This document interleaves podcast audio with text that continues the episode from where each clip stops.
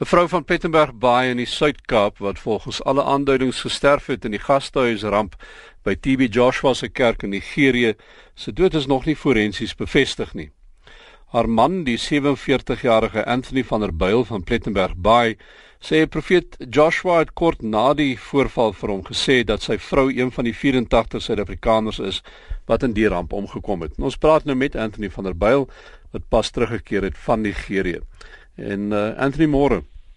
Goeiemôre. Vat ons net eers terug. Hoekom hoekom het jy en jou vrou besluit om na TB Joshua se kerk in Nigerië te gaan? Uh is ongeveer so uh 2011 het ons gesien uh verdwyn van ons werksplek. By ek gewerk vir 'n uh, werk vir water hier in Seker. Uh my baie mysterieus uh verdwyn. As ek klere is gevind uh dit het sy onderklere sy sak sy ja met die so meer. Wat beteken dit hy was maar kan twee verdwyn en as ek hoor dat van daai laat het ons besluit ja om uh, die video so te doen om ek slag te kry om die hier op die uh dit is in in die hoofredes en dan as dit die bevrediging van ons familie op 'n geestelike vlak sowel as baie ander dinge. Die uh die gebou, ehm um, die gastehuis wat ineengestort het. Ehm um, toe jy nou daar in hierdie gebou was, het daar enige aanduidings het daar enigiets gewees aan die gebou wat jy bekommer het of wat vir jou gelyk het asof dit nie goed gebou is nie of Nee, ek is ek is in die boubedryf om om my ware te sê dat eh uh, daar was materiale ook wat hulle besig was om 'n ander gebou te doen. En ek het so baie gewoon ge, uh, ge, geloop en gesien dat die materiale is baie goeie materiaal wat hulle gebruik het. Hmm. En die ambagsmanne wat so daar gewerk het was 'n uh, goeie ambagsmanne.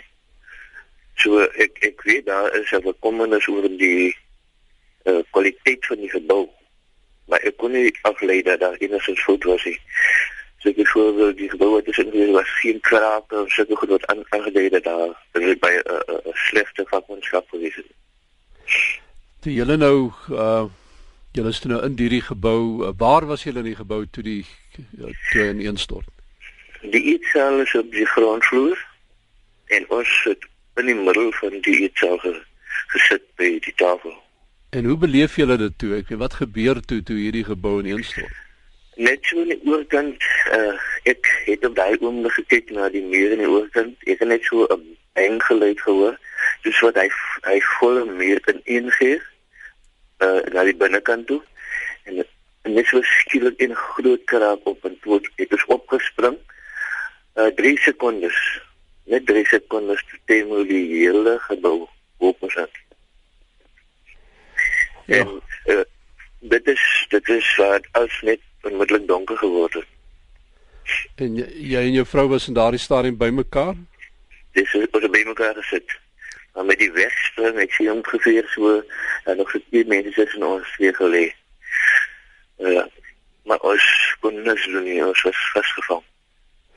25 uur lank uh, vasgevang. Dit moes geweldig dramaties gewees het.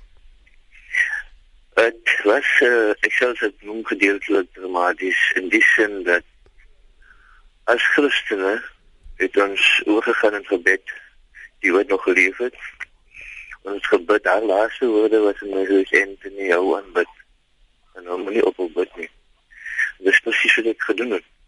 En sê dit in 'n waar God God uh, voor dankbaar is is dat sê het nie die hele oorleef gegaan was dit in 'n slaap en verval en en dit baie diep slaap en seker moes seker wees het dat gedurende daai tyd moes hy seker uh gesterf het.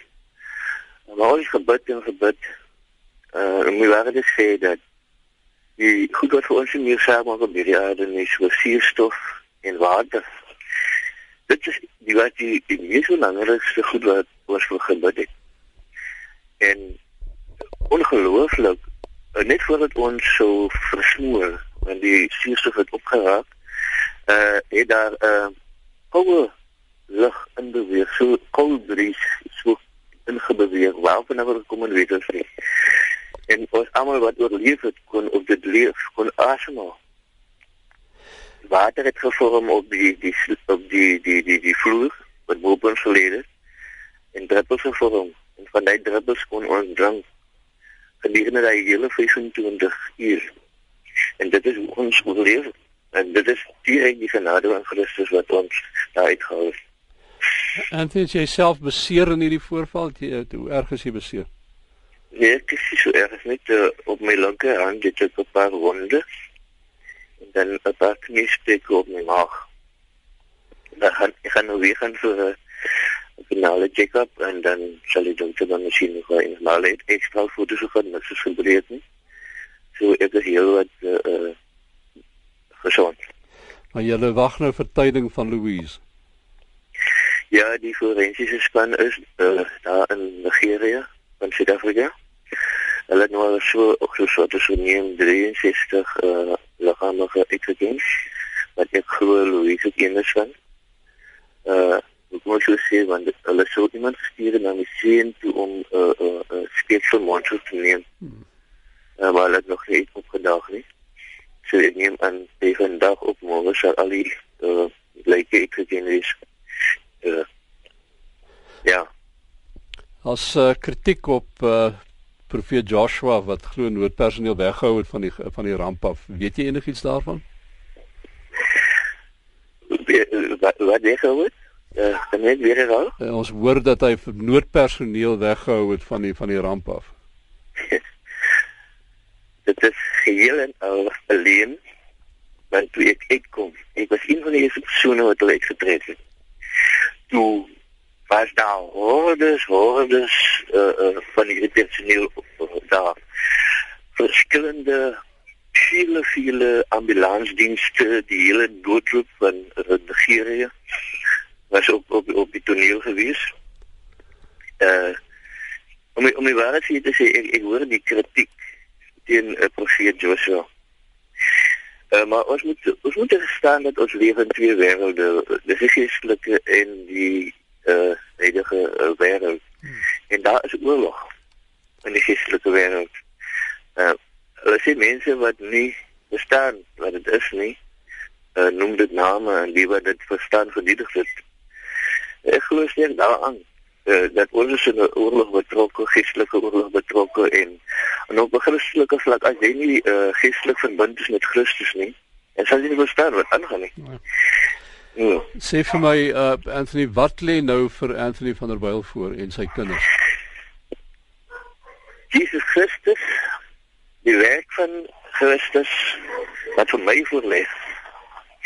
Om mense te maak verstaan hierdie getuienis te gebruik om mense te maak verstaan dat Jesus is lewendig en dit is werklikheid. Ek het dit ervaar vir 25 uur onder Wilmerton konkreet en dit is die reine waarheid. Ek sal hierdie woord gaan verkondig en mense wat dit glo glo dit, die wat nie glo nie, ek sal hulle bid. En vra dat die Here hulle sal wys maar. Dit was Anthony van der Byl wat pas teruggekeer het van Nigerië waar hy vasgevall het soos jy daar gehoor het saam met sy vrou Louise wat um, nog nie bevestig is nie maar wat vermoedelik oorlede is in daardie voorval.